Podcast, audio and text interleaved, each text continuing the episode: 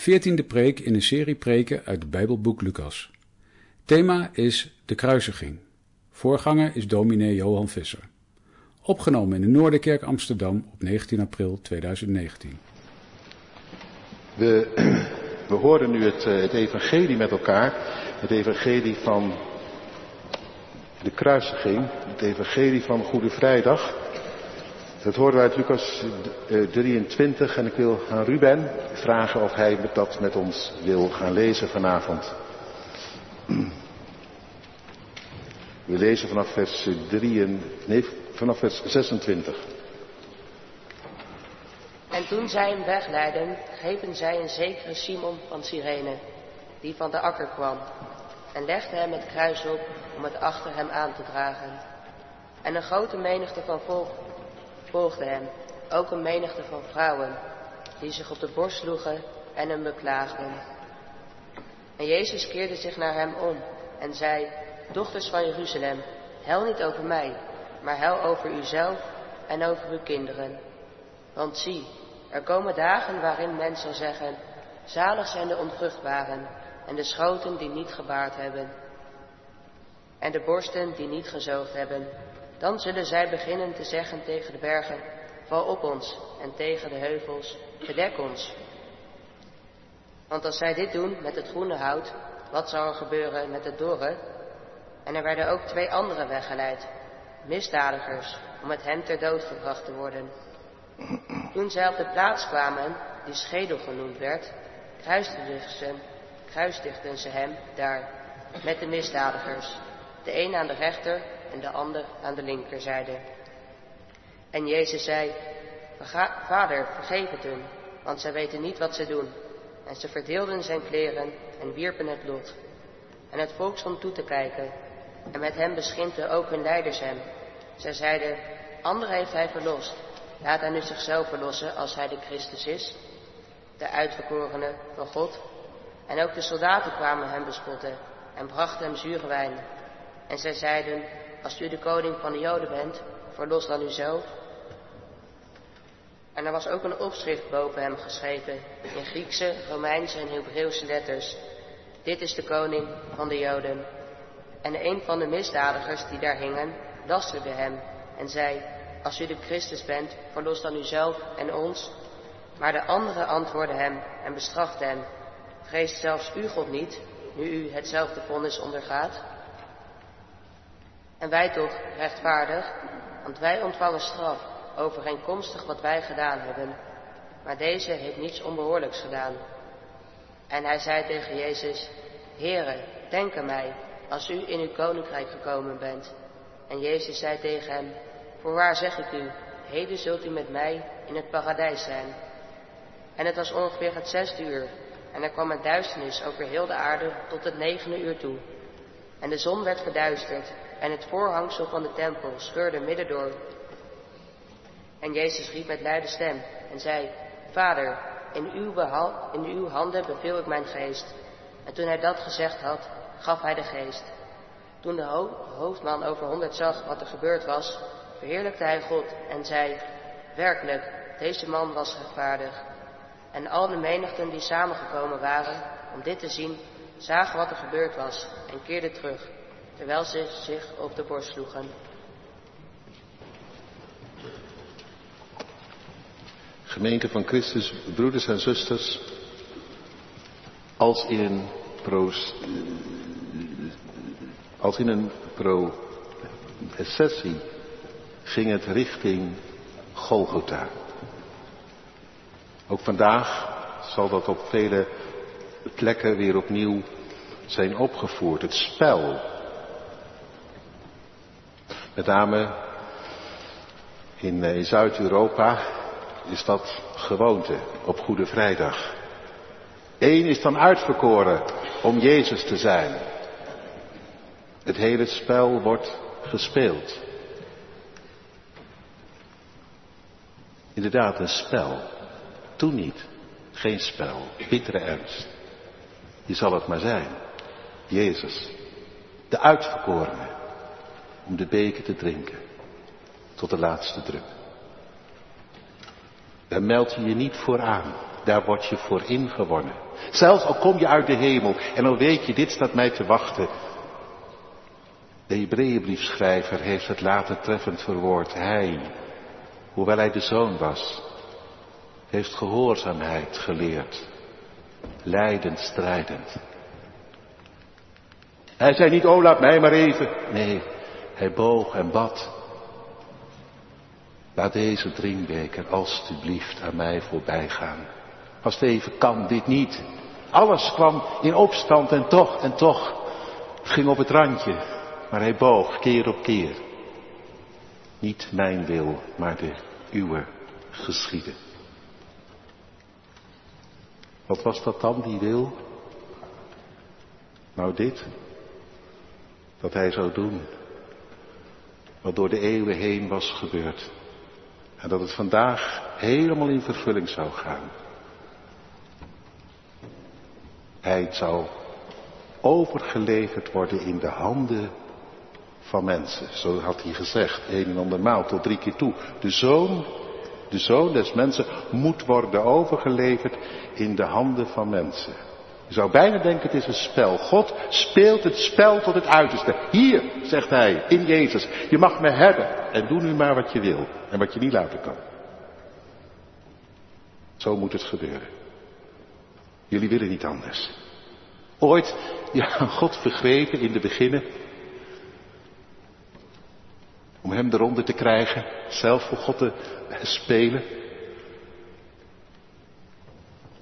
En van, hij van de troon en jij erop. Maak zelf wel uit wat goed is en niet goed. Het is doorgegaan. En vandaag zegt hij, doe maar. Doe maar met je, doe maar met me wat je wilt. We zullen het spel tot het eind toe spelen. Kijken wie er winnen gaat. De zoon des mensen moet overgeleverd worden in de handen van mensen. En niet zomaar mensen, maar van overpriesters en schriftgeleerden en zondaren, Romeinen.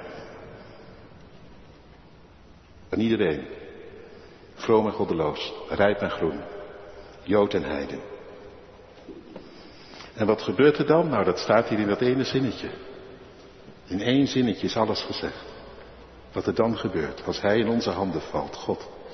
En toen zij hem wegleiden. Je leest er zomaar overheen. Je denkt, oh dat wist ik al. Nou, wacht even. Het is bizar. Het is bizar wat hier gebeurt. Toch? En toen zij wie? Nou, doodgewone uh, tervelingen. Maar wel natuurlijk met een hele grote mond. En die zelfs het idee hadden dat ze in hun vroomheid het gelijk aan hun zij hadden. God aan hun kant. Ja, je kunt goed verblind wezen. En de rest, nou ja, de anderen die daar liepen, die kon het niet schelen. Terwijl Pilatus had wel wat vermoed, wat heeft hij dan gedaan? Hij voelde, dit is een rechtvaardige. Eén die van God komt en daarom niet voor niks had hij zijn handen gewassen in onschuld. Ik heb hier niks mee van doen. Als jullie dat maar weten. Maar intussen had hij hen wel overgegeven aan hun wil. Ja, je kunt je handen zoveel eh, in onschuld wassen als je wilt, maar vuile handen maak je altijd. Pilatus en jij en ik erbij. Ik wil net doen alsof je er niks mee te maken had. Maar geen mens ontkomt eraan. Wat heb je met God gedaan? Met Jezus?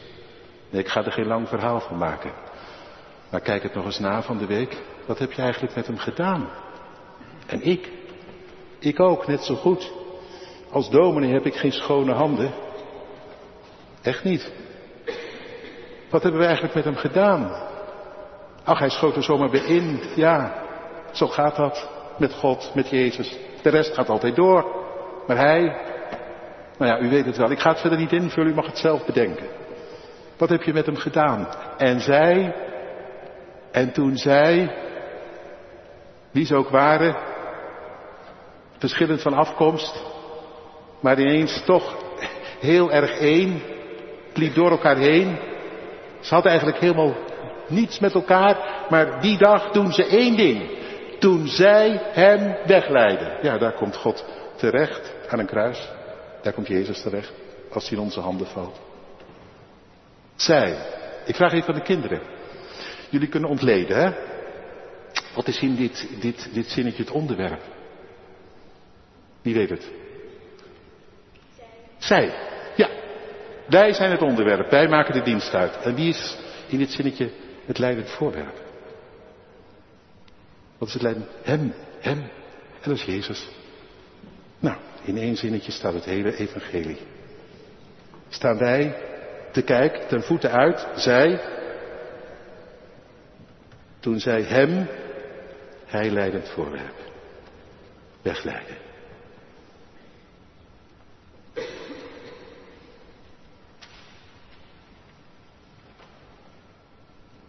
God speelt ons spel, zo gezegd, mee, want hij laat het gebeuren. Eerder was Jezus gewoon, gewoon, ze maar weggelopen en geen mens had hem kunnen grijpen.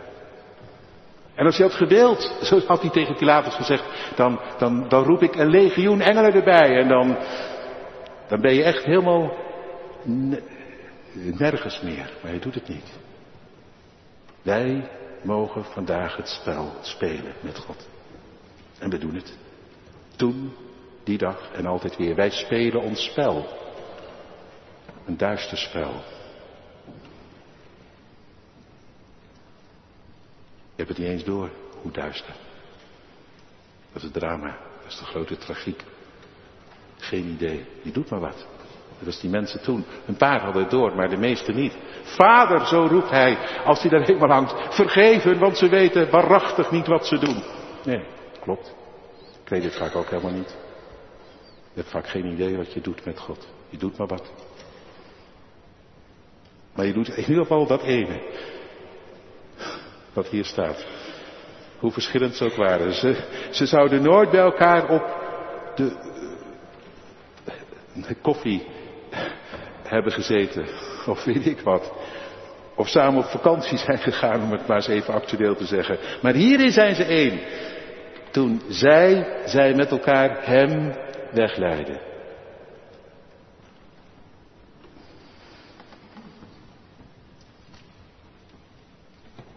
Hij laat het gebeuren. En intussen, terwijl die wordt weggeleid, als een lam ter slachting. En dat het geheimen is. En daar kan ik nog steeds niet bij.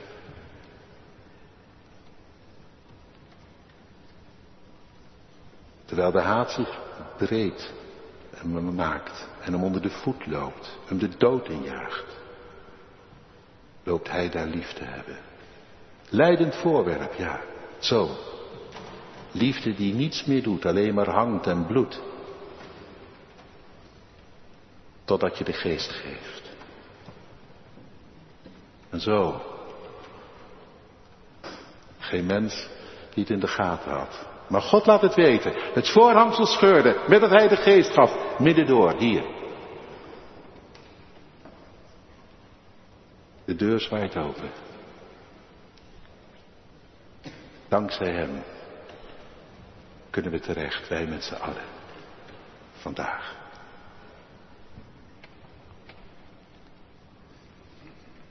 Die lam ter slachting werd. En zijn mond niet opende.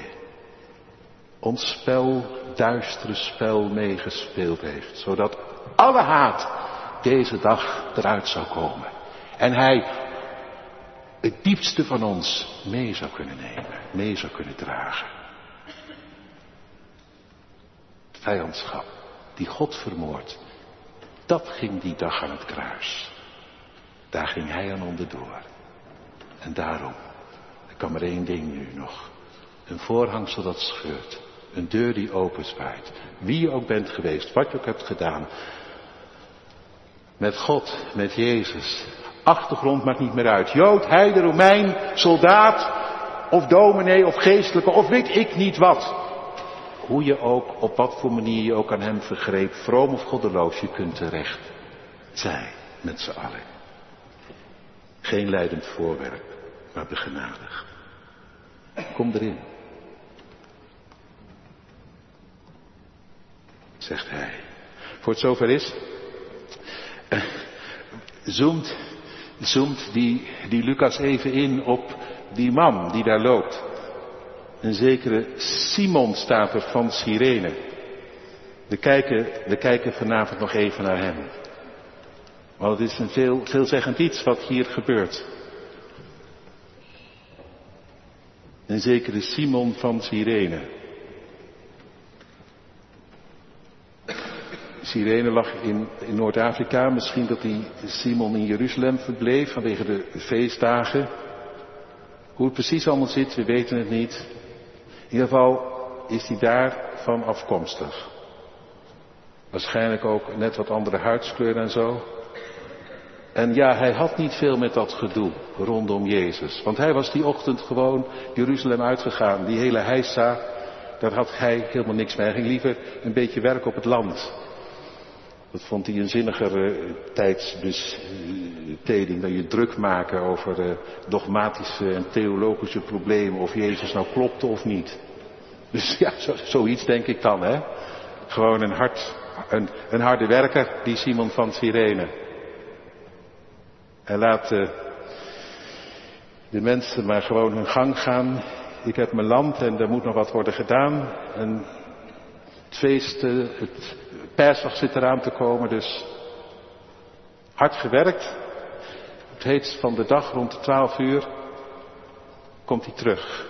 En kijk, de soldaten zien hem aankomen. Hey, dat is een mooie. Een mooie knecht voor de koning. Althans, dat zou wel eens heel goed kunnen. Heel vaak is natuurlijk verondersteld dat, dat Jezus bijna bezweek onder het kruis. En dat zou, dat zou kunnen hoor, maar het staat niet in de Bijbel. Ik, ik, ik, ik denk ook echt dat het wat anders is. Het gaat over die soldaten die het spel met Jezus spelen. Ze hebben het, het bordje intussen ook, hè, daar staat op. Jezus, de koning der Joden. Wat een grap, hè? Wat een grap. Dat komt er nog van als je jezelf daarvoor uitgeeft en dat volhoudt. Dan kom je aan een kruis terecht.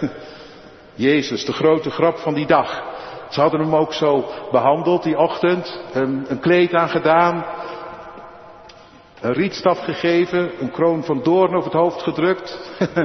Wees gegroet, koning van de Joden. Nou, een koning moet een knecht hebben. Kom op, zeg. Hé, hey, daar komt er een aan. Simon van Cyrene. Maakt u niet uit wie, als hij maar een beetje spierballen heeft, toch? Want het was niet niks om die kruisbalk te dragen. Dus staat er, ze legden hem het kruis op, gedwongen. Nou hoorde ik van de week, dat vond ik wel mooi. Uh, en ik denk ook dat het heel goed zou kunnen. Daar was dus geen sprake van om te onderhandelen. Als Romeinse soldaten je dat oplegden, dan had je maar te doen. Dan moest je uh, als je een last oplegde, moest je hem één mijl dragen. Dat was het Romeinse recht. Vandaar dat door Jezus ook ergens wordt gezegd, als men u dwingt één mijl te gaan, ga dan twee. Weet je wel? Volgens het Romeinse recht kon je zonder pardon gedwongen worden en zonder protest ook om één mijl iets te dragen. Dus ja, geen ontkomen aan. Als die soldaten op die Simon afkomen, dan moet hij wel.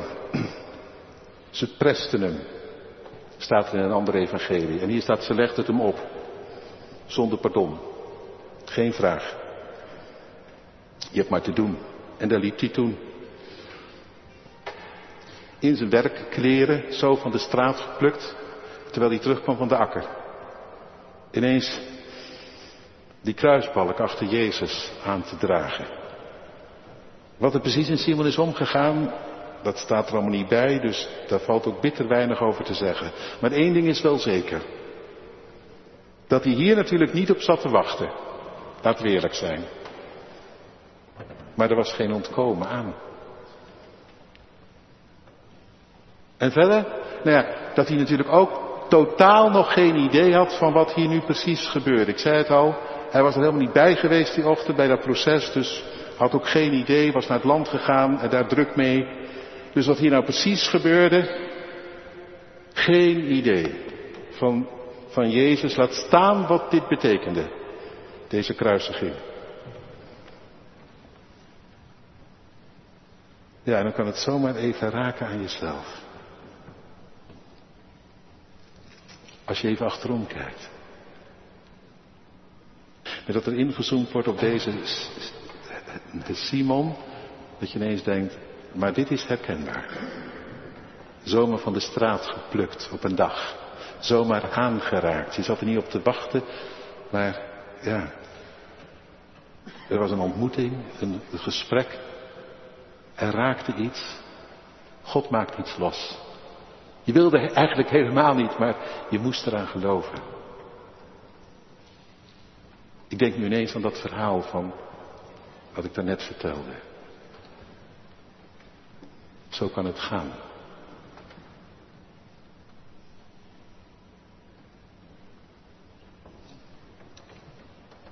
Dat het ineens tot je doordringt, terwijl je er niks meer had. Dat je er iets mee moet. Nee, je hebt nog niet eens precies allemaal door wat het betekent. Net als die Simon dat had. Maar toch, je komt er niet meer van los.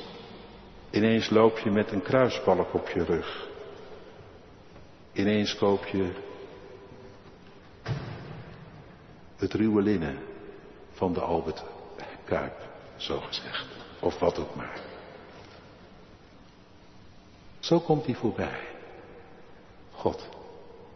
Je hebt geen idee. Nee, dat had die Simon natuurlijk ook niet.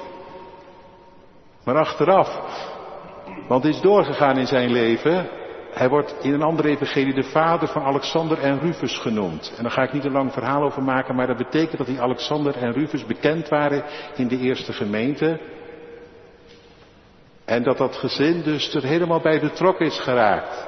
Bij Jezus, bij zijn dood en zijn verrijzenis. En dat begon hier. Ongedacht, onverwacht. Het kan bizar beginnen.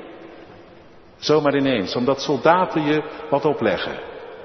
Soms begint het ook heel bizar in je eigen leven.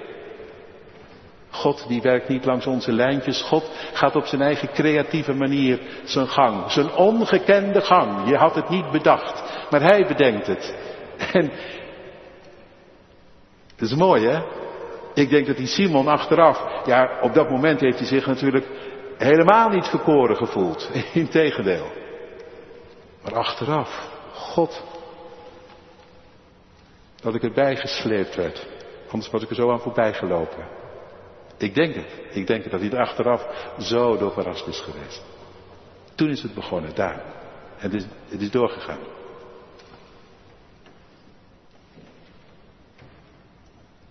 Toch verkoren. Terwijl je dacht, was ik maar een straatje omgelopen. Op het verkeerde moment op de verkeerde plek, weet je wel? Nee, op het goede moment op de goede plek. Zo wordt het omgekeerd in dit gebeuren.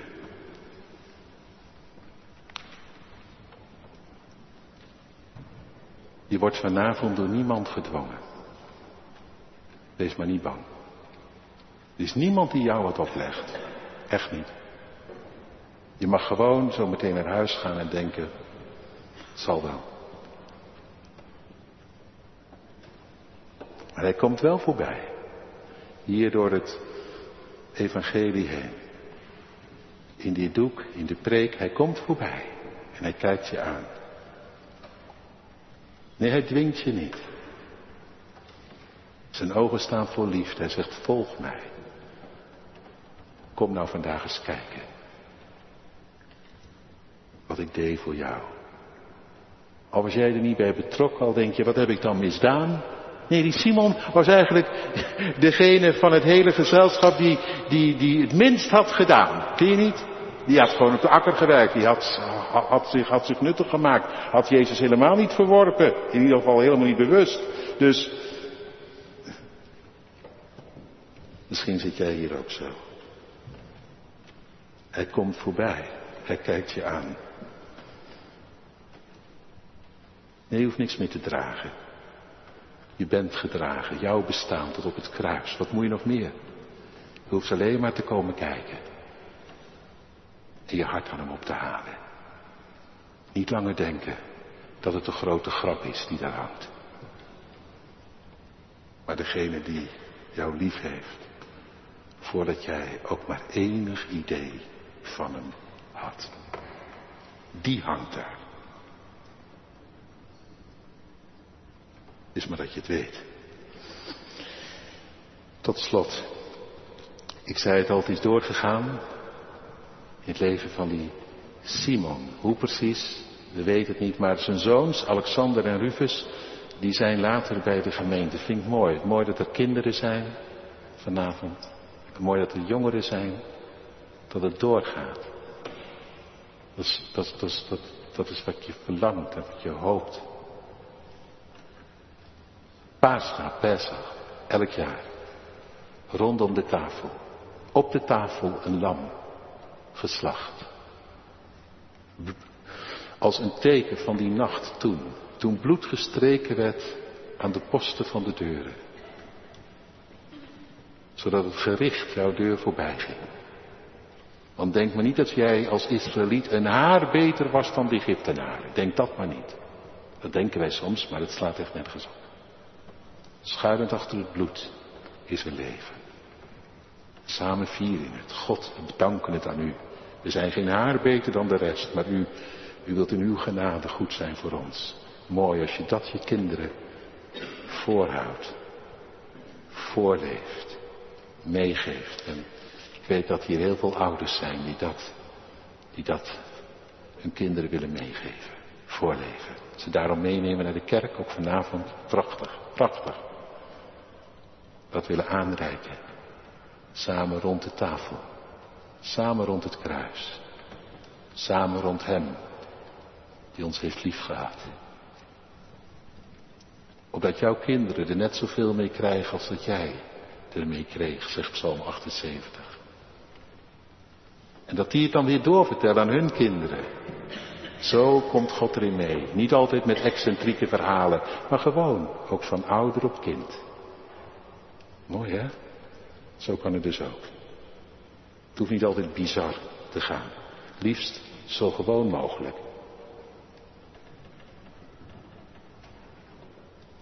En dan, ja, nog twee, twee, twee dingen. Als ik die, die Simon daar zie lopen onder het kruis. Dan denk ik, het is wel een beeld hè, van als je eenmaal verbonden raakt aan Jezus, dan zegt Hij keer op keer. Als je achter mij wil komen, mij wilt volgen, verlogen dan jezelf. Dwars tegen je eigen zin en verlangen in, je gevoel, weet ik niet wat. Neem je kruis op. Dat bestaan wat aan het kruis ging, laat dat onder het kruis verloren gaan. Doet zeer tegen je zin inleven, maar zo volg je mij. En doe het alsjeblieft met een blij gezicht. Want al voel je de pijn om tegen je eigen verlangen in te leven. Wees maar blij dat ik al datgene wat jij er niet onder krijgt, meenam aan het kruis. Mag het ietsje blijer? Achter mij aan? Nou ja, het is wel een hele kunst, vind je niet? Hij zei er nog bij, weet je wat? En daarmee kwam hij nog iets dichterbij. Kom tot mij als je vermoeid bent en belast en het niet meer weet hoe je dat moet doen, hoe je die klus moet klaren. En neem mijn juk op. Dat is een ander beeld, mooi. En je liep altijd samen onder een juk. Twee ossen bijvoorbeeld, samen onder een juk. Zegt Jezus, gaan wij samen onder het juk. Gaan we samen de weg, de weg lopen van, van nederigheid en van zachtmoedigheid. Van wat ik ben, wie ik voor jou wil zijn. Loop maar met mij mee. Ik draag het mee. Blijf in mij, ik blijf in jou. Dan moet het lukken. Dan gaat het lopen. En tot slot denk ik ook nog even aan dat andere kruis waar je niet om vraagt. Waar geen mens om vraagt. Dat kruis wat zomaar wordt opgelegd van ziekte, van ongeluk, van ontslag, van scheiding, van verdriet, van pijn. Nee, je voelt je niet verkoren, integendeel. Je voelt je soms vervloekt, verlaten. God, wat is dit? Moet dit? Nou, het is niet anders. Door wie, wordt je dat opgelegd? Nou, in dit verhaal door Romeinen. Het valt niet zomaar uit de hemel op je, op je nek. Waar het precies vandaan komt, dat kruis, waar je niet onderuit kunt. Wat je niet opneemt, maar wordt opgelegd. Wie zal het zeggen? Er wordt soms een spel met je gespeeld en jij mag de figurant zijn in het verhaal. Net als hier. kwaad wat je overkomt. En toch, en toch, en toch.